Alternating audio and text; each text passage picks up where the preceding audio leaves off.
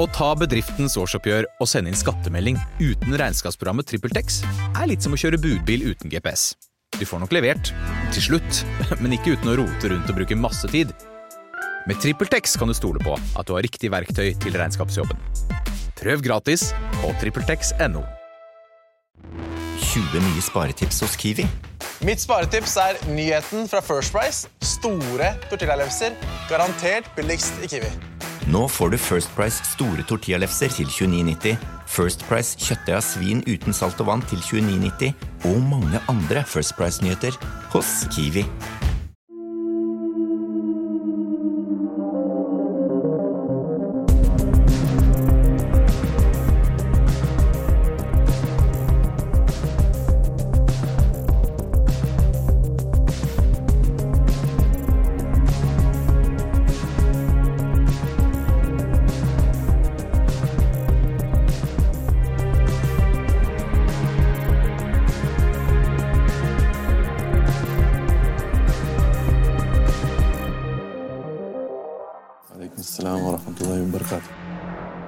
Fotografen du ser i speilet, det er meg.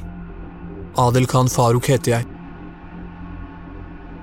Jeg lager en dokumentarfilm om norske islamister, og denne natten skal Peter, en ung nordmann, reise til krigen i Syria. En tur som skal få store konsekvenser. Det vi har hørt nå, er utdrag fra den norske dokumentarfilmen 'Den norske islamisten', der eh, Ubaydullah Hussein var hovedkarakter. Ja, og eh, hvis vi husker litt tilbake, så var det jo en del eh, oppstyr rundt denne filmen. Fordi filmskaperne fikk jo besøk av PST. Hva skjedde da, Helge? Nei, det- PST vi ville jo ha eh, rå materiale fra innspillingen av den dokumentaren for å bruke i bevis mot Ubaydullah Hussein i en rettssak. Ja, Det endte jo med at de faktisk beslagla alle opptakene, og dette ble jo tatt i retten, og det ble jo en høyesterettsdom på at filmskaperne skulle få materialet tilbake. Det var første gang vi så i Norge at det ble beslaglagt materiale fra et produksjonsselskap. Ja, og I eh, studio, holdt jeg på å si, i hvert fall her på kontoret vårt uh, i dag, har vi jo med oss Adel Khan Farouk. Velkommen. Jo, takk. Ja, dette er jo en film som du gjorde sammen med regissør Ulrik Rolfsen.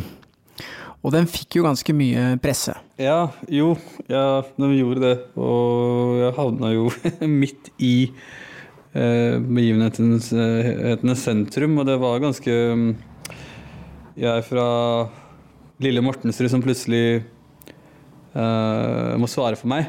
Uh, Ulrik uh, Rolfsen da, fronta den saken i begynnelsen, men det ble ganske tidlig stilt spørsmålstegn ved min rolle i filmen. Og vi må egentlig litt tilbake i tid, fordi jeg havnet jo på, i, eh, på radaren til eh, politiet allerede da Bhatti kom hjem. Arfan Bhatti kom hjem fra Pakistan. Så husker jeg at eh, at presten dukket opp under fengslingsmøtet hans. Det var vel to år før det som skjedde i filmen. Men da hadde Elden sagt at det ikke var lov til å filme eller ta bilde av uh, Arfan Bhatti. hadde ikke samtykket da, til å bli tatt bilde av eller bli filmet. Uh, men jeg på den tida drev allerede og filmet Obaidullah. Og da hadde jeg fulgt Obaidullah inn til rettssalen og filmet han der. Uh, og filmet Bhatti idet han kommer inn. Uh, og det gikk jo greit. Jeg tror vi må bare stoppe deg litt, Janne. Fordi eh, vi, vi må ta høyde for at det er ikke alle som eh, kjenner disse navnene så godt. Skal vi bare, Kan du fortelle oss kort hvem Arfan Bhatti er? Arfan Bhatti, uh, hvis jeg ikke tar feil, og her uh, må du rette på meg, uh, var jo lenge mistenkt for å ha skutt mot eh, huset til journalist Nina Jonsrud i Dagsavisen. eh, og skutt mot synagogen i Oslo. Eh, og da Obama kom, så ble han uh, fengslet. Og Arfan Bhatti er uh, tidligere gjengmedlem. som ble mm, veldig religiøs av ulike årsaker. og som har vært i politiets søkelys mer eller mindre hele sitt liv. Eh, og da eh, Han forsvant en eller annen gang uh, eh, for snart åtte-ni år siden. Og så dukket det opp bilder av han på, i grenseområdene Pakistan-Afghanistan. Og der havnet han i fengsel. Og, og var i fengsel i to år. Og før, før, da han først kom til Norge, så ble han ønsket velkommen da, av hele Prest-Norge. Han har jo gått gjennom åpenbart en radikaliseringsprosess, og det er jo et eh, tema som du har tatt for deg både på film og i bokform. Men kan ikke du bare si, eh, si litt om din bakgrunn? Ja, jeg er fra et lite sted helt syd i Oslo. Mortensrud, Holmlia. Det er der jeg er født og eh, oppvokst. Eh, jeg har foreldre fra, eh, fra Pakistan. og min bestefar var blant de første da, som kom til Norge på slutten av 60-tallet. Og som også er Ulrik Rolfsens far. Så jeg og Ulrik vi er slektninger. Og Ulrik Rolfsen jo min, var jo min medregissør på Den norske islamisten. Og jeg har gått en veldig sånn merkelig vei. Jeg Havna liksom eh, inn i bransjen. og studerte Tok et friår etter videregående. Um, jobbet med Drev og solgte blomster uh, i et halvt års tid. Uh, prøvde å få bedre karakterer for å komme inn på journalistikkutdanningen uh, i, på Høgskolen i Oslo. Og da jeg først gjorde det, så var det veldig vanskelig å få en fot inn i, i bransjen. Og da skjønte jeg da at jeg måtte lage noe ekstraordinært. Og da måtte jeg benytte meg av mitt kontaktnettverk og eh, mine kilder og eh, benytte, altså bruke eh, de jeg kjente rundt meg, da, omgangskretsen min og kontakt, kontaktnettverket mitt for alt det det er vært. Og, Uh, og kom liksom i kontakt med Ubaydullah Hussein gjennom dette her. Da. Men du, du vokste opp på, på Mortensrud, og vi har jo hørt de siste åra at det er noen politikere som har skreket om eh, svenske tilstander, og det er liksom ikke måte på hvor eh, ille det er. Men hvordan var det egentlig å vokse opp på Mortensrud? Altså, da jeg vokste opp, så var det veldig, veldig blanda. Eh, veldig mange forskjellige etnisiteter. Eh, og da jeg gikk på Lofstrud ungdomsskole, så var det eh, 50% som både hadde en annen etnisk opprinnelse, hvis man kan si det, og 50% som var etnisk norske, da, altså hvite. Og det var en veldig, veldig veldig fin miks. Fordi på den måten så lærte man hverandre å kjenne. Man eh, hadde ikke særlig fordommer. Eh, og vi hadde jo Nordstrand, da, som liksom ligger bare steinkast unna, og som er et veldig blenda hvitt område. Og vi på Mortensrud og Holmlia på den tida, vi syntes det var ganske deilig og godt og, og veldig trygt at vi på en måte kunne knytte bekj- bekjentskaper på tvers av etnisiteter uh, osv. Og, og, eh, og det var eh, deilig å få inn uh, Bare å ha nye impulser rundt deg hele tida. Mens de som vokser opp i dag, eh, på Mortensrud og Søndre Nordstrand, da, som er denne bydelen Mortensrud ligger i, så har det vært en hvit flukt av mennesker. Altså de hvite eh, eh, nordmennene har flyttet ut til nærgående områder som Oppegård, Kolbotn, Nordstrand. Og de som har bodd på Tøyen og Grønland eh, i sosiale leiligheter, har blitt presset ut av eh, en sterk middelklasse, en sterk hvit middelklasse. Um, og selv om de har fått anledning og muligheten til å kjøpe leiligheten, leilighetene som de bor i på Tøyen og Grønland, så har de ikke råd til det. Og da blir de tvunget til å på en måte flytte ut til de østlige bydelene da, eh, og fortsette å leie der. Så det har vært en hvit flukt øh, vekk fra det området der jeg vokste opp, og det er en veldig uheldig utvikling, da, mener jeg. Hva tror du er grunnen til det? Jeg tror det bare kom til et punkt der et, Vi var vel den siste generasjonen. Uh, jeg er jo 28, skal fylle 29 år, og født på 90-tallet. Og er vel del av den siste generasjonen der det var uh, en veldig fin miks av folk. Og så tror jeg at med en gang vi uh, fikk oss høyere utdanning og flytta til byene. Og flere ble liksom pressa dit fra byene med en annen eh, etnisk opprinnelse. Så tror jeg bare det har blitt en sånn skjevfordeling eh, av folk. Og så tror jeg bare det handler om at man føler seg litt tryggere, eh, egentlig. Eh, på, blant sine egne. Og det er ganske synd, fordi at eh, det er jo ikke Altså alle på Mortensrud mer eller mindre har norsk pass, er født her, er oppvokst her, men eh, de sosialiserer seg ikke på tvers av etnisiteter lenger. Altså det vil si um, De sosialiserer seg ikke um, blant hvite nordmenn. Og det er ikke bra for samfunnet, da, og det er ikke produktivt for samfunnet. Verken for uh, hvite nordmenn og for uh, de med en annen etnisk opprinnelse. Men du sa at, beit meg merke at du sa at at da du var ferdig som journalist, så var det litt sånn vanskelig å få et bein innafor, og du måtte gjøre noe spektakulært. Lurer jeg litt på, for det har vært mye tema i det siste, selvfølgelig i USA med Black Lives Matter, og det har vært et uh, diskusjon her hjemme også om dette er med rasisme og hverdagsrasisme og sånne ting. Hvordan har du følt liksom på at det at du har et annet opphav, da, har det vært en negativ ting for deg? Jeg tror, ikke, jeg tror ikke det har vært en negativ ting, men jeg har brukt det for det det har vært. da. Uh, jeg husker at jeg hadde praksis i NRK-sporten, og da var det en sånn uh, Da var det en veldig erfaren uh, mann og en veldig sånn en, en, veldig, en ringrev, da, som ikke trodde at jeg var født og oppvokst i Norge. og det er jo fordi jeg sa kjøtt og ikke kjøtt, og sa kino og ikke kino.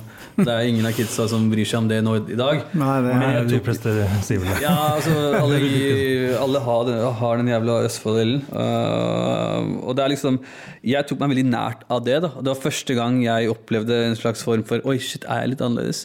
Uh, og det første jeg gjorde, var å dra hjem og skru på tekst-TV, for da var det noe som het tekst-TV på TV. Og leste alt som sto der, høyt og tydelig, til jeg bare liksom klarte å si hvert enkelt ord sånn knirkefritt. Da. Perfekt Ja. lyd. Ja, alt det der. Og, mm, men jeg har liksom ikke opplevd rasisme um, Med unntak av uh, den rasismen man kanskje har opplevd ute på byen. Og så har jeg blitt stoppet av politiet én gang, og det var fordi at uh, uh, For noen år tilbake så skulle jeg kjøre noen venner ehm, På den tida så bodde jeg på Tøyen, og da skulle jeg kjøre Det er en bensinstasjon på Tøyen der. Og istedenfor å svinge inn på den eh, bensinstasjonen i, i Kjølberggata, så valgte jeg bare å stanse bilen og slippe han ene som var i bilen, liksom rett før. da For jeg syns det var eh, ja, jeg er, så, jeg er veldig utålmodig av natur, så jeg bare tenkte vet du, fuck it, jeg orker ikke kjøre deg inn. Bare slipp deg her. Og så kjørte jeg videre, og da øh, hang det på seg en øh, politibil bak oss øh, som kjørte ut fra den bensinstasjonen. Og så hadde jeg med en annen kar i bilen og sa bare se nå. Og så kjørte vi opp mot, uh, mot Ensjø. Uh, og så fulgte de etter oss, og så svingte jeg inn i en sånn uh,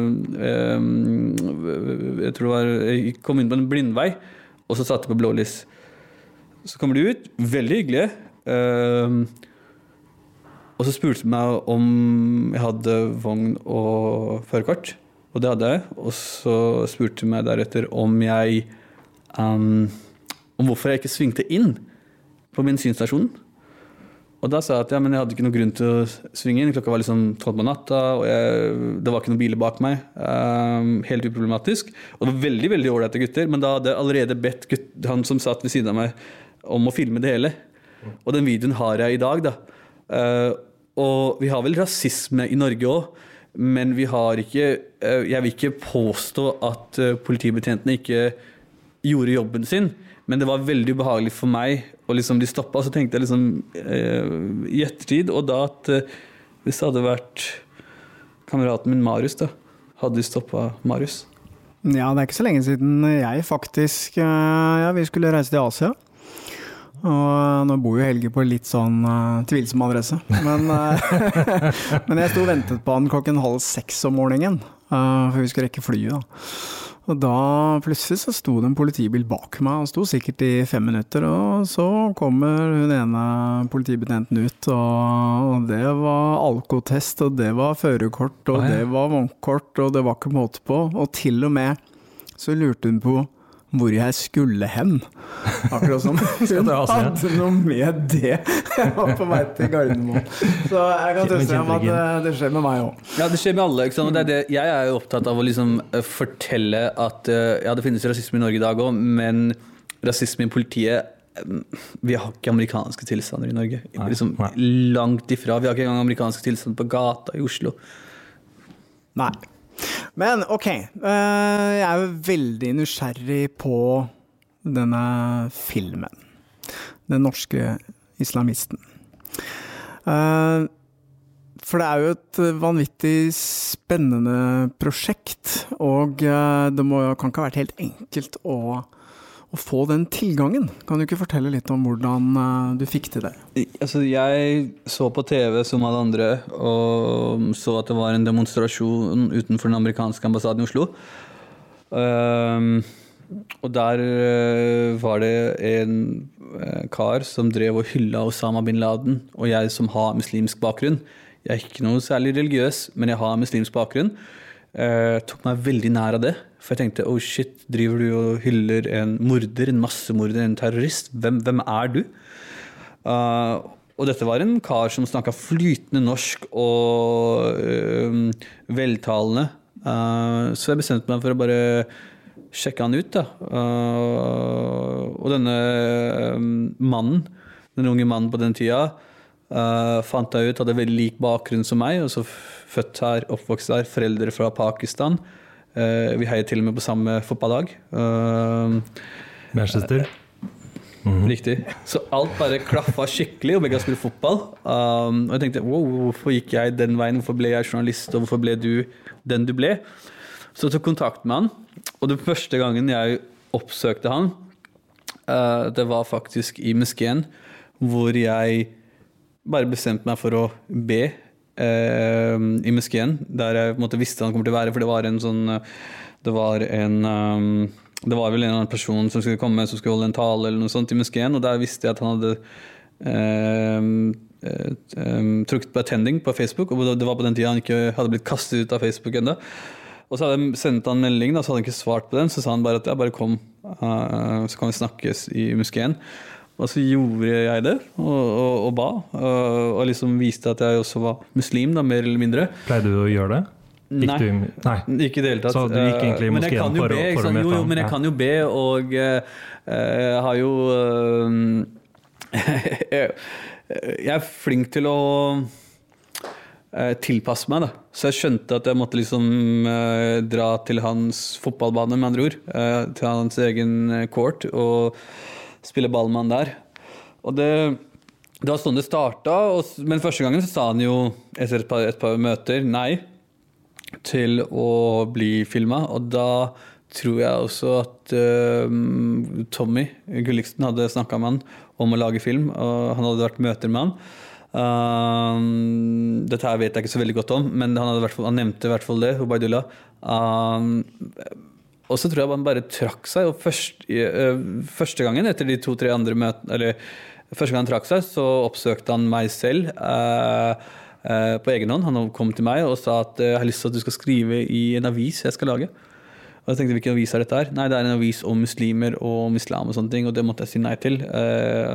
Fordi her ville jeg lage film om han, for jeg mente at det var så veldig mye mer ved han enn det som hadde kommet fram i mediene den siste tida. Eh, og han trygget litt på det, men eh, han hadde turte liksom ikke å Eller jeg vet liksom ikke helt hvorfor han ikke ville likevel. Men eh, et halvt år senere så ringte han tilbake, og, da hadde han blitt tiltalt for, tiltalt for hatefulle ytringer mot jøder og homofile. Og da sa han vet du, nå er det nok, nå må folk vite hvem Obaidullah er. Hvem Arslan er, som er hans egentlige navn. Og da bare hang jeg meg på. Men hva slags eh, inntrykk eh, fikk du av ham da, etter de første gangene du traff ham? Jeg syns han var en veldig veldig imøtekommende, eh, varm person. Og vi snakket aldri om islam. Vi snakket aldri om IS. Det var liksom rett før IS hadde blitt opprettet. og vi snakket om fotball, vi snakket om på en måte litt politikk, men vi spiste mat og hadde en veldig sånn fin, koselig samtale som, uh, som overrasket meg veldig. da. Fordi jeg forventet at dette var en person som bare skulle uh, Altså islam all the way in, men det var liksom ikke det ved han. uh, ved liksom første øyekast. Og da jeg liksom begynte å filme han, da, så så jeg at, at det var den approachen han brukte og overfor alle. At det var liksom den der gode, myke, varme, genuine personen som du ikke kan på en måte Som du liksom bare tenker What? Er du han som driver og hyller terrorister? Det er, hva, hva, er, hva er greia? Hvor er det det krasjer, da? Men prøv, Eh, prøvde han liksom å, å radikalisere deg? jeg har jo fått det spørsmålet der tusen ganger, og nei. Han prøvde aldri å radikalisere meg. Han prøvde aldri å få meg til å tenke som han. Men man må ikke se bort fra at han hadde blitt glad hvis jeg hadde valgt å gå, eh, altså, um, gå i hans fotspor, da, hvis man kan si det på den måten der. Men eh, hvor, hvor, lang, hvor lenge jobbet du med den filmen, egentlig? Oh, den filmen varer jo litt over en time, men jeg sitter jo på 200 timer med opptak. Eh, og det er flere ganger hvor jeg på en måte møtte han uten å filme. Fordi at jeg ikke ønsket at alt skulle handle om filmen eller prosjektet, men heller bare knytte eh, bånd til han. da, Og, og det, Dere vet jo alt om dette her òg. Liksom, vi møter jo kildene våre hele tida og tar en kaffe med dem og spør om hva som skjer. hva er det som har skjedd. uh, og på den måten så åpner det seg mer, og det blir litt mer fortrolige. Og når du kamera først uh, slår seg på etterpå, så, så stoler de på deg. Det dyrket jeg for det det var verdt, da. Hele tida. Liksom møtte han, eh, spiste mat med han. eh, spilte ikke fotball med han, men eh, man kan ikke, må ikke se bort fra at det hadde jeg gjort hvis jeg hadde fått mulighet til det òg. Og det var flere jeg kjente i min omgangskrets som faktisk spilte fotball med han. Bare sånn eh, på Løkka, da. Og, og det kunne jeg vært med på selv, bare for å på en måte vise han at jeg ikke hadde noen uedle hensikter. Og det hadde jeg ikke, og det har jeg ikke. Og det, det, jeg, tror nok, jeg tror nok at det hjalp veldig. Og så må jeg være ærlig på å si at jeg har jo veldig lik bakgrunn som han. da. Uh, og så er det jo, som han sier, da, enklere å stole på en muslim enn en ikke-muslim. Så, så, så dere må bli muslimer hvis dere skal Ja, man, man merker jo det på eh, hvordan han fremstår i filmen nå, at han har garden eh, veldig nede i forhold til de, dere som lager filmen. Og han prater jo eh, veldig fritt, og noe av det han sier kan jo eh, selvfølgelig diskuteres. Han, eh, han vil jo innføre sharia-lover i Norge. Og knuse statuene som finnes rundt omkring i Oslo by.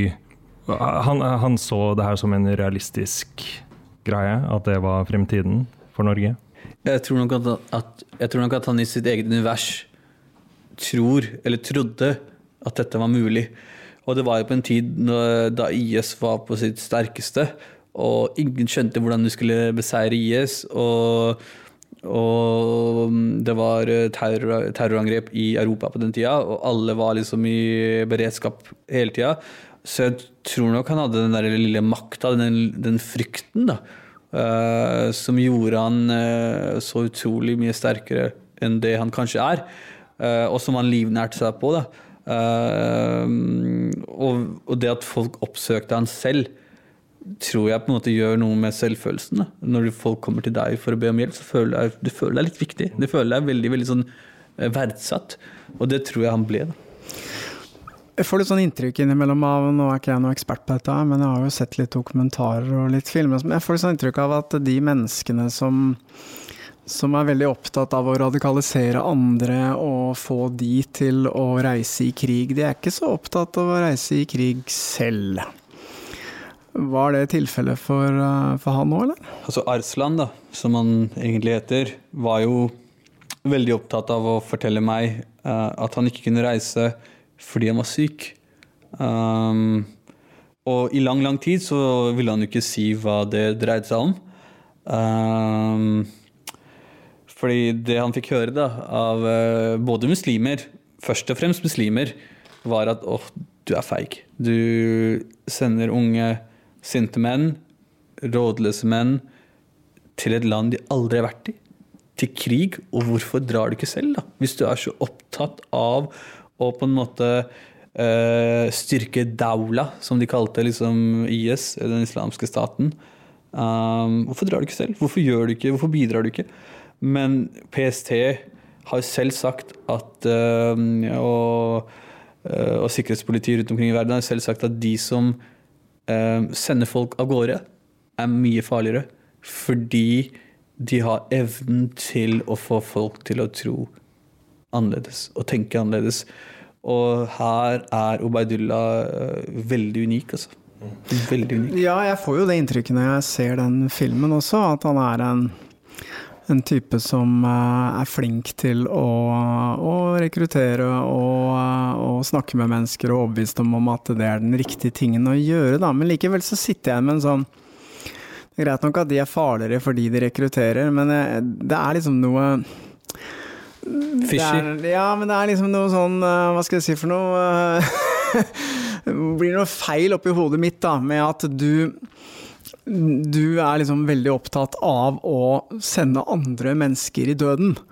Uh, og, og, taler veldig varmt om det, om martyrdøden og hva slags ære det er osv. Men du er ikke så veldig interessert i å ta den reisen selv, da. Og det men er det riktig, eller, eller? Han hevder jo den er fritatt, ikke sant. Fritatt. Altså har lege, legeerklæring. Eh, fastlegen. Fastlegen sa det ikke var greit. Og, eh, men, men ifølge um, deres versjon av islam, da, hvis vi kan si det på den måten der, så, så er, er, er, man fritatt for å på en måte utgjøre den lille jihad, da, som er liksom den store jihad er vel den du på en måte um, Jihad betyr jo først og fremst å strebe. Uh, og den store jihad er å strebe med seg selv og bli et bedre menneske for deg, for deg selv og for de rundt deg. Og så er den lille jihad den som måte, hvor du uh, hvis, uh, hvis, situasjonen påkaller det, så må, kan du ty til Så kan du liksom forsvare deg, da. Altså selvforsvar. Um, men han hevder jo at han er fritatt fordi han har uh, noe som viser seg å være um, altså en, en, en, sykdom, en kronisk sykdom, Crohns syndrom heter det, som er en sånn mage-tarmsykdom, um, som gjør at han ikke kan dra på lengre reiser. Og, men uavhengig, da, tenker jeg, om han har det eller ikke, så tenker jeg greit, hvis du tror på islam, den versjonen av islam du tror på, og det beste er liksom å dø i islams navn, så, liksom, så, så burde man liksom dratt dit, da, tenker jeg. Altså, hvis man hører på og tror på det han sier. Men greia er jo at de medisinene han øh, hevder han må ta, de finnes jo ikke i IS. Så det er ikke IS så bra, da. Fordi de medisinene får man bare i Europa og i Norge. Og det er derfor han må bli her. Og det har jo vært en del sånne undersøkelser og Uh, som uh, Nei, forskning uh, og, om at, om at en del europeiske land, som, som Norge f.eks., er mer islamske enn f.eks. Uh, land der majoriteten er muslimer, som Pakistan. Og det er jo fordi at vi har et velferdssystem som fungerer. Vi har fri helsetjeneste, fri skole. Alle disse tingene der som man ikke får da, i, i hjemlandet til foreldrene våre, og, og i liksom uh, i IS. da. Uh, eller hos IS på den tida. Og, og da er det vel kanskje tryggere å være i Norge. Ja, I filmen så blir han jo konfrontert med det der at han er villig til å bytte ut alle de godene han har i det landet her, uh, mot alternativet da, som han drømmer om. Og det har han jo egentlig ikke noe godt svar på. Nei, han har egentlig han ikke det. det. Og det er jo der vi, vi det, det, vi var opptatt av, var liksom ikke spørre om Støtter du IS? Støtter du halshugging? Er du for uh, steining av homofile? Altså, de svarene vet vi. Altså, vi vet hva han måtte stå for, og da får vi disse ja, nei, ja, nei. Som alle journalistene er så opptatt av overskrifter. Og vi var ikke så opptatt av overskrifter, vi var liksom mer opptatt av å liksom få han selv til å på en måte fortelle ting som hvis han hører på det selv, ikke gir mening. Ja. Ikke sant? Ja, det ligger jo litt uh, altså, Man trenger jo ikke å si det. Han drar til, Ja, i begravelsen ja. til han eh, terroristen i København. Han hyller de som gjennomførte terroraksjonen i Paris, eh, den Charlie Hebdo, og den uh, terroraksjonen på den konserten og i, i Paris.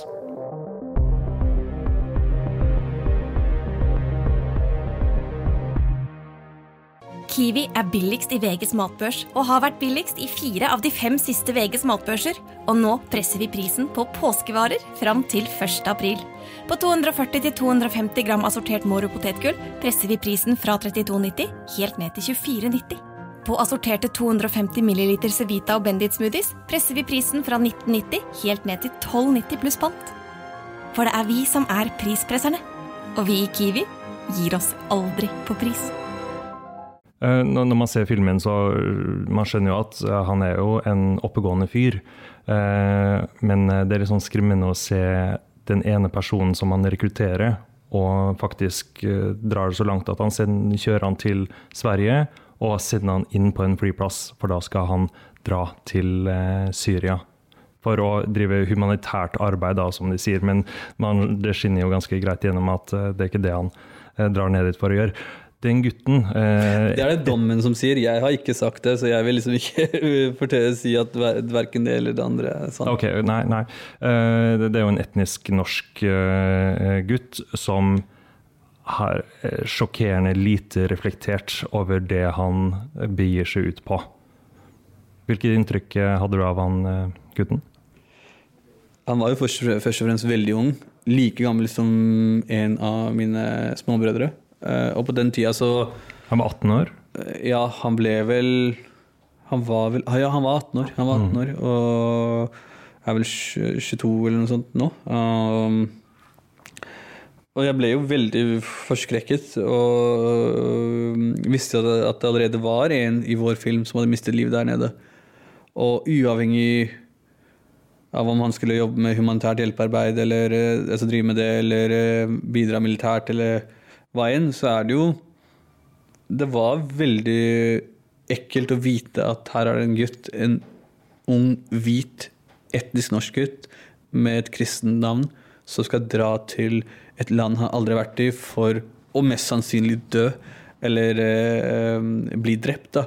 Og da var, var jeg jo sånn veldig sånn hadde um, Jeg var vel veldig uerfaren på den tida òg, da. Jeg hadde jo et slags moralsk dilemma, men samtidig så var jeg veldig opptatt av at um, ja, men dette, dette, kan, dette kan passe inn i filmen. Dette her høres spennende ut. Men det her er jo ikke riktig. Uh, ja, men vi trenger det. Men faen, det er jo ikke riktig. Hva skal jeg gjøre? Hva skal jeg fortelle politiet om dette? Jeg, og det, jeg bestemte meg for å ikke gjøre det, fordi jeg fant ut at politiet hadde jo, de hadde jo drevet med hemmelig spaning og etterforsket dem i skjul eh, over lang, lang tid. Og allerede på den tida eh, så holdt de på å bygge en sak mot Obaidullah for hans eh, terrorrekruttering. Og, og det er jo en grunn til at denne gutten her ble stansa i Sverige. Um, så jeg følte meg litt sånn Ikke nødvendigvis trygg grunn, men litt sånn øh, Jeg regner med at dette her kommer til å løse seg. Ja, for de sto og venta på han uh, Ja, visst nok gjorde det, og det var ikke Ja. noen av oss klar over. Nei. Men uh, i ettertid og, og, i etterklokskapen sånn, så har jeg skjønt at det burde jeg kanskje ha visst da, eller det burde kanskje de ha visst da. Men fa- på noe som helst tidspunkt Du må jo ha liksom, følt en sånn trang til å altså, snakke denne guttungen litt til rette? jo, jo, jo, jeg hadde jo en samtale med han hvor jeg spurte om men, eh, og jeg spurte om, om dette var så lurt, da. Og heller ha litt sånne eh, Jeg prøvde jo å få så mye som mulig på, på film. Eh, og i de samtalene jeg har med han, eh, har eh, opptak av han, eh, eller gjort opptak, opptak av han, så har jeg også stilt en del spørsmål som på en måte hvor jeg vil at han skal tenke, tenke selv. da. Og jeg vil ikke ta um, beslutningen for han. Um, altså jeg vet at dette er en ung person, eh, men han visste hva jeg mente om at han skulle dra. da. Uh, så jeg sa liksom aldri til han at um, Jeg stanset han aldri fysisk, men han var klar over at jeg på en måte ikke støttet det. Mm. Det som jeg ikke husker kommer frem i den filmen, er, hva var bakgrunnen til den gutten, egentlig? Hvorfor, hvorfor var det så lett å, å rekruttere han? Altså, jeg kan ikke vite hvorfor, akkurat hvorfor det var så veldig rett å, å, å, hvorfor det var så veldig lett å rekruttere han, men det jeg fant ut, da, var jo at um, faren hans døde mens denne um, gutten var veldig, veldig ung. Uh, og Tom Alexander, som også er i denne filmen, og som uh, dør under uh, tragiske omstendigheter. Enda en etnisk norsk, en etnisk norsk, Jeg husker en scene med han fra Karl Johan, der han skal stå og dele Ja. flyers med Hussein. Riktig. Og, og både han og denne gutten mista fedrene sine i veldig ung alder. Begge hadde eksperimentert litt med rus. Nå var jo Tom Alexander fra, Tom Alexander var jo fra Halden, og, mens denne gutten her var fra Oslo. Uh, og denne gutten her, han uh, Slik jeg har skjønt det um, prøvde vel å finne seg selv. I, var vel i den alderen hvor han prøvde å finne seg selv. øhm, men som bare falt mellom to stoler hele tida. Øhm, og, og så tror jeg at man bare uh, han, Det var jo han som først kom til Ubaydullah. Uh, møtte han på gata helt tilfeldigvis, utvekslet nummer. Øhm, og så startet det derfra. Og eh, Abaydullah er ikke så fornøyd med konvertittbegrepet. Han bruker et annet begrep. Han bruker øh, han Revertert, er det ikke det? Ja, Revertert. ja, ja, revertert. Det er liksom det er, et veldig, det er en retorisk finte, da. Ja. Fordi alle mennesker er jo født muslimer, men de er ikke klar over det. Ja. Så når du blir muslim igjen, så kommer du bare tilbake. Ja. Du har liksom alltid vært muslim. Og når du bruker sånne retoriske finter, eh, så På sånne gutter, da, så kan det funke. Mm. Og han hadde jo den bakgrunnen som han hadde, og, og, og vi vet jo eh, Breivik vokste jo også opp uten sin far. Det er mangel på mannlige rollefigurer, da, Mm. som jeg tror har vært veldig sånn utslagsgivende for veldig mange av disse gutta her. Jeg tror vi, vi hører mye tassing her, og det er ikke Helge som uh, tasser rundt. Det er uh, en veldig fin schæfer, hunden din. Ja. Hvor lenge har du hatt uh, han? Han fylte fem i forrige uke, men er veldig barnslig og uh, Jeg vet liksom ikke alltid Jeg er ikke så sikker på hvor jeg har han hele tida, men veldig veldig koselig og veldig, veldig lojal. Og skal man ha lojalitet, så må man skaffe seg en hund. Tidlig i går ble en etnisk norsk 18-åring fra Oslo pågrepet på flyplassen i Göteborg av svensk politi. Politiets sikkerhetstjeneste mener mannen var på vei til Syria, og har siktet ham for å ha forsøkt å slutte seg til en terrororganisasjon. Sånne ting gjør meg forbannet. Altså. Unødvendig kaos. De kan dra til helvete. I etterkant av den pågripelsen av eh, den norske gutten i Sverige, hva skjedde videre med, med filmen da? og innspillingen? Jeg kom jo hjem tolv timer etter at jeg først hadde begynt å filme det som var i ferd med å skje. Og, da var jeg så jævlig trøtt. Jeg var utrolig sliten. Jeg tror ikke jeg har vært så sliten og øh, skikkelig medtatt og veldig sånn hva var det som skjedde nå? Hadde liksom helt, det hadde ikke helt gått opp for meg. Og på det tidspunktet så var, vi ikke klar over at uh, den 18-åringen hadde blitt uh, stanset på, uh, på, på flyplassen. Og så dro jeg rett til Ulrik. Um, og jeg husker at Norge spiller landskamp mot, mot Sverige, hvis ikke det er feil. Og Ulrik bor ikke så langt derfra, og da liksom hørte vi Uh, jubelsrus. Jeg husker ikke hvordan den kampen endte. Uh, men jeg må ikke se bort fra at vi tapte den kampen nå. Uh, men da var jeg så sliten. Uh, banket på døra til Ulrik. Han åpnet, spurte om alt som hadde skjedd. Og jeg husker, han, jeg husker at han drev og smurte brødskiver til meg. Uh, jeg klarte ikke helt å svare på alt sammen, for jeg var så utrolig fucked. Uh, hjernen fungerte ikke, beina fungerte ikke. Um, og så hører vi at det knatrer i grusen utenfor. Så drar Ulrik til, til vinduet og uh, ser gjennom gardinen. Og der ser han en veldig sånn tettbygd kar som bare da, drar frem um, um, um, Drar frem beviset, politibeviset. Og så drar Ulrik til døra og åpner opp, og så hadde de et skriv om hva som på en måte hadde skjedd. Og kom for å hente det materialet som jeg hadde filmet fra jeg møtte Obaidullah og denne gutten eh, til Obaidullah på en måte kjørte han til flyplassen, og til og med tilbake. Og det de sa, var at eh, hvis vi ikke ga fra oss opptakene, så kom de, kom de til å ta med seg hele huset. Det var liksom Det var eh, altså det var virkelig ikke noe vi kunne gjøre. Og på det tidspunktet så var vi heller ikke klar over at det vi burde ikke ha gitt fra oss de opptakene. Vi burde vært litt sånn uh, dette er politiet. Vi, Mm. vi tør liksom ikke når politiet kommer på døra. Så er det én ting jeg har lært, så er det at det beste er å være så hyggelig som mulig. Men i mellomtida så uh, hadde de allerede gått inn uh, i bilen til Ulrik. For det var Ulrik sin bil som uh, Obaidullah uh, For dette, var- dette, var, dette var mi, vår arbeidsbil. Um, så det var denne bilen her som Ubaydullah kjørte. Uh, så de, uh, de var pliktige til å på en måte ransake den bilen. Og mens de drev og ransaket den bilen, så tok jeg noen uh, bilder og, og sendte til Dagbladet. Og på den tida så jobbet jeg også for Dagbladet. Og jeg tenkte at dette her er bare en sånn pissesak. altså Dette er ikke en sak, liksom. Eller at, at ja, kanskje blir det en sak, en liten en. Og var liksom ikke klar over det vi på en måte eh, Det som så skjedde, da. eh, og det som kommer til å skje i kjølvannet av det beslaget. fordi allerede neste dag eh, så var det liksom overalt. Og da var det sånn oh shit. For du var ikke klar over at PST drev en etterforskning Nei, altså, av Hussein ingen- parallelt mens dere gjorde den dokumentaren, Nei. og så så sitt snitt til å skaffe masse bevismateriale. Riktig. Men, i- men, men greia er, PST, jeg tror, jeg tror ikke de var klar over hvem vi var. Jeg tror ikke de var klar over at vi på en måte uh, Jeg tror ikke de hadde jussen på sin side, og den jussen var veldig svak da, uh, på det tidspunktet. Og det var liksom en sånn Det, hadde, det har aldri skjedd før. Politiet har aldri konfiskert upublisert journalistisk materiale.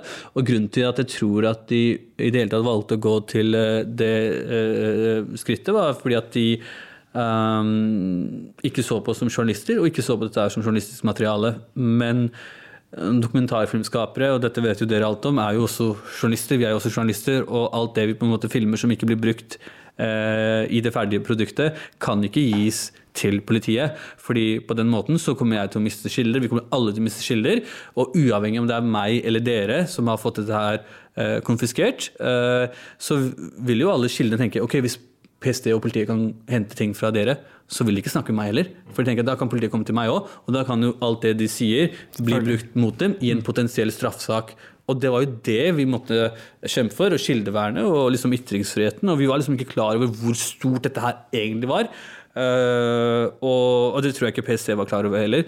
Men, uh, men ja, så det var liksom det. da. Men hadde PST en rettslig kjennelse da de kom til dere? De hadde en rettslig kjennelse. Eh, de hadde jo drevet med hemmelighetsforskning av Ubaydullah i lang tid. Og han ble ikke arrestert, eller eh, han ble ikke pågrepet før um, et halvt år senere. Altså etter at vi vant i Høyesterett, for vi tapte saken. eh, eller vi tapte eh, Vi ba jo om å få de opptakene her tilbake. Tapte det um, den saken i eh, tingretten og lagmannsretten, eh, men så vant vi den i Høyesterett. Eh, Og i mellomtida da, så fikk ikke PST lov til å- få se hva som var på de i de harddiskene, men vi, dette er jo PST, liksom, så om de har sett eller ikke sett, det får folk tolke selv, men eh, Det var men ikke vi- krypterte innholdet? Nei, det var ikke Nei. ikke kryptert, men eh, altså, det har jo ikke noe å si uh, om de har sett det eller ikke, fordi ettersom vi vant, så, eller, eller ikke, så hadde vi ikke vunnet, så Eller ettersom vi, ikke, ettersom vi vant, så kunne de uansett ikke bruke det de visste om, eller fikk vite eller fikk kjennskap til gjennom det materialet, fordi det ikke var eh, deres lenger. Det, vi fikk det tilbake, da. Og da måtte de bruke, eller skaffe eh, andre bevis, da, og, og beviser som eh, som styrker deres sak. Og han ble jo dømt uavhengig av vår film. Vår film kom jo en-to dager etter at han først ble dømt i tingretten. Så de hadde jo nok da, til å på en måte både tiltale han og, og straffeforfølge han. Men det er jo et veldig grovt eh, inngrep i pressefriheten og pressens uavhengighet. Da. For det er jo som du sier at eh, hvis ikke kildene kan stole på at det materialet er trygt politiet bare kan komme og hente ned noe som helst, så begynner man å vippe over til en type politistat som ikke vi ønsker oss. Ja, altså vi, vi, Da kan vi sammenligne oss med land vi ikke ønsker å sammenligne oss med. tenker jeg, og Det er det som var veldig urovekkende. og det var, En annen ting ved det hele var jo at uh, det var jo på en måte ingen som var glad i Ubaydullah heller. Uh, ingen muslimer som var glad i ham. Uh, de flesteparten, vil jeg påstå, likte ikke det han sto for. Så de var jo veldig sånn derre Kan ikke dere bare gi materiale til PST? Kan dere ikke bare gi, det, gi materiale, sånn at de uh, får tiltalt han og, og dømt den? Men hvis jeg hadde sagt ja til dette her, så ville jo ingen snakke med meg igjen. altså Da snakker jeg om kilder. Uh, og selv om Breivik da hadde kommet til meg og fortalt meg ting i fortrolighet, med mindre han skulle utføre massedrapet da, på, på Utøya, så er jo han kilde, og jeg, vi er pliktige da, til å på en måte forsvare kildene våre. For Hvis ikke vi kan forsvare kildene våre, så mister vi all kredibilitet som journalister. Uh, og ikke bare jeg som har den kilden, men alle. da. Uh, og den saken var veldig prinsipiell uh, fordi det hadde liksom aldri den saken måtte bli prøvd for, overfor domstolen, og i, dom, i, domstolen, fordi at det var ingen saker å vise til. Det var ingen andre lignende saker. Og, en annen ting er jo at eh, etter at vi eh, fikk, altså vant i Høyesterett og fikk det materialet tilbake, så har jo, PC, har jo ikke PST gjort noe lignende igjen. Og de ville jo heller ha mer fullmakt til å bare gjøre ting, altså overvåke da, på egen hånd, sånn at de slipper å gjøre disse, dette her, for de vet at de kommer til å tape den saken igjen. Men hva tror du ville ha skjedd da, hvis dere hadde sagt nei? Til, til politiet den kvelden? Jeg tror nok vi prøvde oss, men Men jeg hadde jo allerede, og det er jo tilbake til den historien i stad, eh, jeg hadde jo allerede blitt eh, Da Batti kom eh, tilbake til Norge, Arfan Batti, da han først kom tilbake til Norge, så hadde jo jeg drevet og filmet han i retten under hans fengslingsmøte. Og da var det en eller annen journalist som var misunnelig og hadde prikka en av betjentene på ryggen og sagt at hvorfor får han lov til å filme og ikke vi? Um, og det som så skjedde, var jo at eh, Og på den tida så var det ingen som visste at vi drev og lagde film om Obaidullah eller dette miljøet her. Og da tok de Obaidullah inn på et avhørsrom, eh, en annen av gutta i et annet, og meg i et tredje. Fordi de var ikke klar over at jeg var journalist eller lagde film. Eh, og avhørte meg da i, i en halvtime. Uh, og da måtte jeg også gi fra meg de opptakene. Det, men det var liksom Da hadde jeg uh, ikke begått lovbrudd, men hadde, da hadde jeg filma Batty uten samtykke. så jeg husker at jeg var på avhør òg altså etterpå. Etter det, etter det igjen. og fikk en bot da, på 10 000 kroner. Okay. så, så jeg var liksom allerede altså, jeg var liksom klar over at dette er liksom veldig sånn uh, farvann. Uh, men ikke hvor stort dette her kommer til å bli. Det, jeg, lev, jeg, levde jo litt i skyggen av det hele òg, fordi Ulrik fronta den saken i, i, i, media. Men det var jo jeg som på en måte var uh, i skyttergraven der og, på, og kjempa i, i fronten. Det er jo en ekstremt viktig sak òg eh, for vår del, Stein Morten. Hadde, hadde, du tapt i Høyesterett, så hadde vi sannsynligvis ikke sittet her. Nå hadde vi hatt et problem. Ja, hadde, da hadde vi jobba med Skal vi danse eller noe sånt. Da hadde vært med i Skal vi danse. Da hadde vært med. Men uh, denne filmen ble jo Dere fikk tilbake opptakene, dere lagde denne filmen. Den ble jo sendt på NRK. Um, hvordan gikk visningen egentlig? For jeg går ut fra at dere hadde en visning for Hussein uh, før det ble sendt på TV? Jo, altså vi hadde jo um, kontraktfest, altså kontraktfestet med han at han skulle få se filmen. Uh, og det fikk han anledning til å se. Um, og den siste versjonen så måtte Ulrik dra til Bodø. Jeg tror han satt var um, satt i Bodø, Ubaydullah, for da var han varetektsfengslet. Um, han var ikke dømt ennå. Og da kunne ikke jeg være med. Uh, det var Ulrik som tok seg av det. Og da viste han den filmen til Ubaydullah, og slik jeg har skjønt det, så hadde ikke Ubaydullah noen um, særlige innvendinger. Han syntes dette var, at dette var en bra film. Uh, men han hadde jo med seg advokaten sin, som sa at uh, som din advokat så må jeg si at denne filmen her kan aldri komme ut. Og, og da var jo vi liksom Da satt Ulrik der og øh, krysset beina og øh, la armene i kors og sa at ja, men vi har en kontrakt med NRK, og, og den filmen her skal bli vist uansett. Uh, og vi har en kontrakt med deg òg, og den filmen her skal bli vist uansett. Og da var det veldig lite Altså, Ubaydullah ville jo ikke at den filmen her skulle komme i det hele tatt. Eh, Til slutt altså, så, var det sånn Han ville ikke at den filmen her skulle komme før eh, en rettskraftig dom. Altså det vil si etter Høyesterett, etter Strasbourg. Og det vil si at da ville den filmen ha kommet ut i dag, da. Og, og det kunne vi ikke gå med på. Så det var liksom Og på den tida så var dette her eh, eh, i alle landets aviser. Altså IS, opprett- opprettelsen av IS, Syria- Syriafarere. Hva er det som gjør at eh, mennesker som er født i vestlige europeiske land, drar til Syria og Irak for å krige?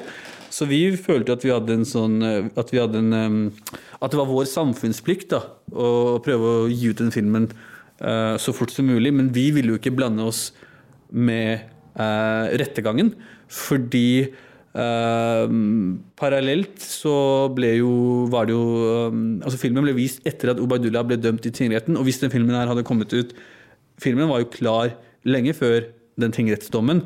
Men hadde vi vist den filmen før den tingrettsdommen, eller i løpet av rettergangen, eh, så var vi redd for å på en måte eh, blande oss inn da, i hans sak. Fordi filmen må være eh, skulle være selvstendig og være uavhengig av hvilken dom han skulle Ja, for den kunne jo fort ha blitt brukt som Ja, altså, bevismateriale, den da. Jo, men den ble Mm. faktisk brukt som bevismateriale. Ikke bevismateriale, da, men Elden brukte vel den eh, Han anket jo den dommen. Eh, og i lagmannsretten så brukte både aktor og Elden filmen som på, på hver sin måte for å liksom eh, vise da, at eh, Se, der driver han rekrutterer. Og så var det Elden som skulle si nei, det der er bare prat. Men hva tror du eh, Hussein eh, ønsket å oppnå med å være med i den filmen? Jeg går jo for at han hadde et eller annet motiv for å stille opp. Det er vel det spørsmålet som jeg har fått eh, flest og oftest, og som jeg egentlig har ikke har noe klart å Jeg har ikke noe klart svar. Jeg, føler liksom at eh, det var jo hans eh, storhetstid. Han var jo den lille gutten, altså høydemessig, da, som eh, ikke nødvendigvis snakket høyest, men som bare fikk landets eh, Hele landets oppmerksomhet. Og når han så Eller da han så at folk bare oppsøkte han, og at han var eh, At journalister hadde Han var vel den islamisten som var enklest å komme i kontakt med eh, for journalister òg. Og jeg tror nok det bare Er man en superstjerne eller blir, eh, føler seg som en superstjerne, så dyrker man den berømmelsen for alt det det er verdt. Da. Og han har, det er jo I dette miljøet her så har jeg også skjønt at han har jo blitt en slags martyr òg. Etter at han ble på en måte eh, Han tok liksom fallet da, og, og havnet i fengsel. Og nå har han jo sonet to tredjedeler av, av dommen. Eh, jeg har ikke snakket med han helt siden han ble pågrepet, og vet ikke noe særlig om hvordan det går med han. Men eh, jeg har jo alltid ja, Det har jo liksom gått rundt og tenkt litt på hvordan han har det, og hvordan han kommer til å få det når han først kommer ut. Da. Og hvem er, det som, hvem er det som kommer til å ta han imot med åpne armer, og om han har forandret seg. Da. Kommer du til å oppsøke han når han kommer ut? Um, hvis han vil, så vil jeg gjerne møte han. Eh, men jeg er også, fer jeg er også ferdig da, med, med den fasen av livet mitt. Jeg føler at det var en fase av livet mitt som jeg Det var liksom min manndomsprøve, uh, hvis man kan si det på den måten. Både som uh, filmskaper, men også som, uh, som menneske. Jeg tror nok jeg vokste veldig mye med under hele den prosessen. Og jeg har liksom liksom sett meg ferdig med det. Men jeg vil jo ta vare på mennesker, så hvis han har lyst til å prate med meg eller oppsøke meg, så får han bare ta en telefon. Um, arbeidet med å, å klippe den her uh, norske islamisten Det det er jo veldig sensitivt uh, materiale. Uh, og jeg har faktisk klart å uh, spa opp uh, en av klipperne som jobba på den filmen. Etter mye arbeid, så Nei da, det er Lars Kristian Nygårdstrand, vår, vår egen kreativ leder her på huset. Så jeg tenkte Det var helt helt tilfeldig. Så- kan Sett en- Dere kan dele mikrofonen. Veldig hyggelig. ja, hyggelig å få lov til å endelig komme fram i lyset og bort til mikrofonen. Det er jo du som eh, klipper våre podkaster. Avhørt-podkastene. hva er det du sier på slutten? Eh, ja, hva er det Alt etter lyd etter arbeid. Etterarbeidet er laget av uh, etter, ja, sier? Hvordan, var det å jobbe med det, den filmen her, og det her materialet? Nei, altså, jeg kom jo inn i uh, den filmen her på et uh, ganske sent stadie, egentlig. Andre halvdel av 2016, og det var jo etter hele PST eh, og rettssaken var over. Eh, og da var veldig mye av grunnarbeidet gjort. Jeg skulle være med i eh, to uker, tror jeg, og så endte jeg opp med å jobbe på filmen i tre måneder. Så det var jo Gjorde en bra jobb, da. jo, jo. Det var jo og Mange andre hadde gjort en god jobb før meg, og det var noen som gjorde en god jobb eh, etterpå også. Men det var jo Jeg husker jo da jeg fikk materialet første gangen, så fikk jeg liksom beskjed om sånn må ikke, her må du sitte og jobbe med hjemme. Jeg fikk ikke lov til å sitte ute noe sted, for jeg visste aldri om eh, det var noen som var PST sto og luska over skuldra. Ja, kunne hende noen ville ha tak i det materialet fortsatt. Men eh, Nei, hva er, det, hva, hva er det for noe spennende å fortelle fra Du la jo fundamentet, da. Men dere hadde jo veldig mye opptak. Må- Du sa et eller annet eh, 200 timer eller noe sånt. 200 timer, ja. Så Det er jo ikke noen harde valg her, da, Lars. Eh, Kan du huske noe som særlig gjorde litt vondt å kvitte seg med?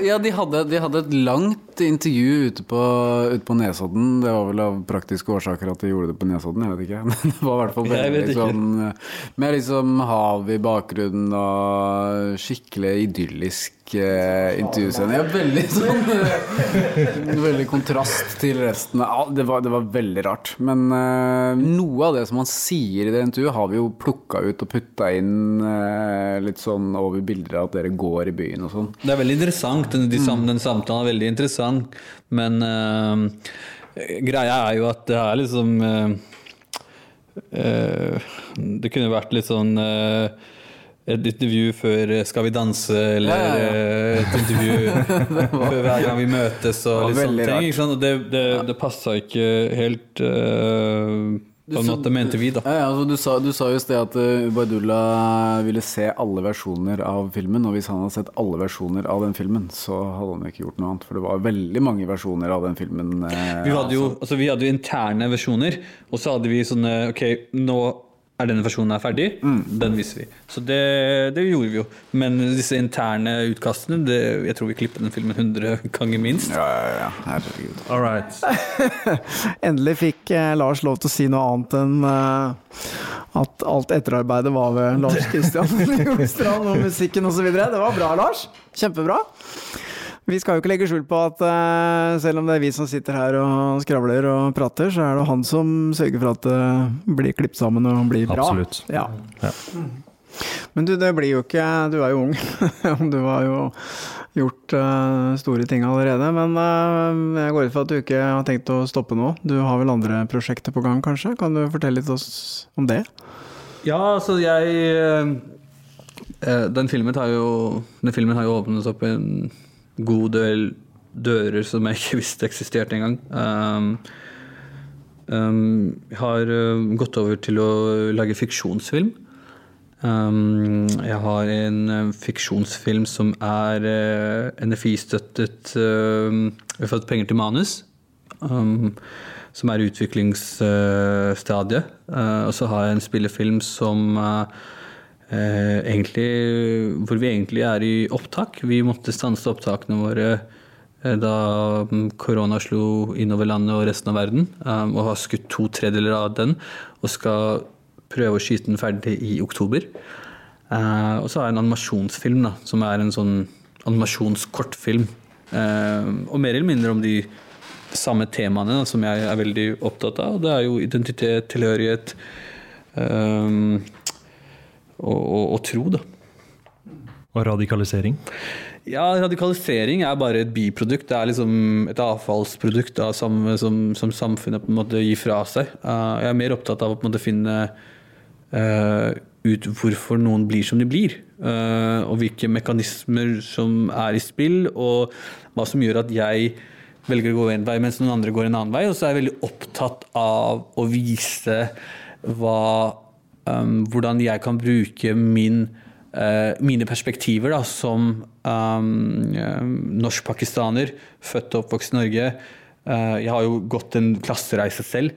Uh, kommer fra en veldig veldig fattig familie fra, på Mortensrud. Og far har vært i fengsel. og for skattesnusk, da. Ikke noe veldig veldig alvorlig. Det, men uh, Det er jo alvorlig i seg selv, det òg, men Det er det verste du kan gjøre til landet her, det. ja, det, på en måte. men han var veldig mye i fengsel da, da jeg vokste opp, og, og, og jeg liksom er eldst av seks søsken nå. Så det var liksom, jeg kunne jo gått en annen vei, jeg òg. Som veldig mange av de jeg kjenner, har gjort. og jeg er veldig opptatt av liksom bare vise hvorfor jeg uh, eller, eller den klassereisen har ført meg til fra epleslang på Mortensrud til hagefester hos Aschhaug. Uh, og jeg har blitt veldig sånn derre Ok, hva har det på en måte tilført livet mitt, og hvordan, hvordan kan jeg uh, analysere um, hvorfor noen uh, menn blir sinte. Jeg er veldig opptatt av, av, av, at unge menn, hvorfor de, blir, hvorfor de faller utenfor. Og, og, det har ikke noe her, er ikke, her har ikke etnisitet så veldig mye å si. Eller, eh, kult, eller kanskje kultur. En slags, en slags kultur, kultur, kulturell eh, tilhørighet, men ikke noe særlig tro. Uh, eller um, etnisitet. Uh, og den filmen jeg er i opptak med nå, handler om en det er en sånn Manshaus-inspirert skikkelse som uh, har falt utenfor.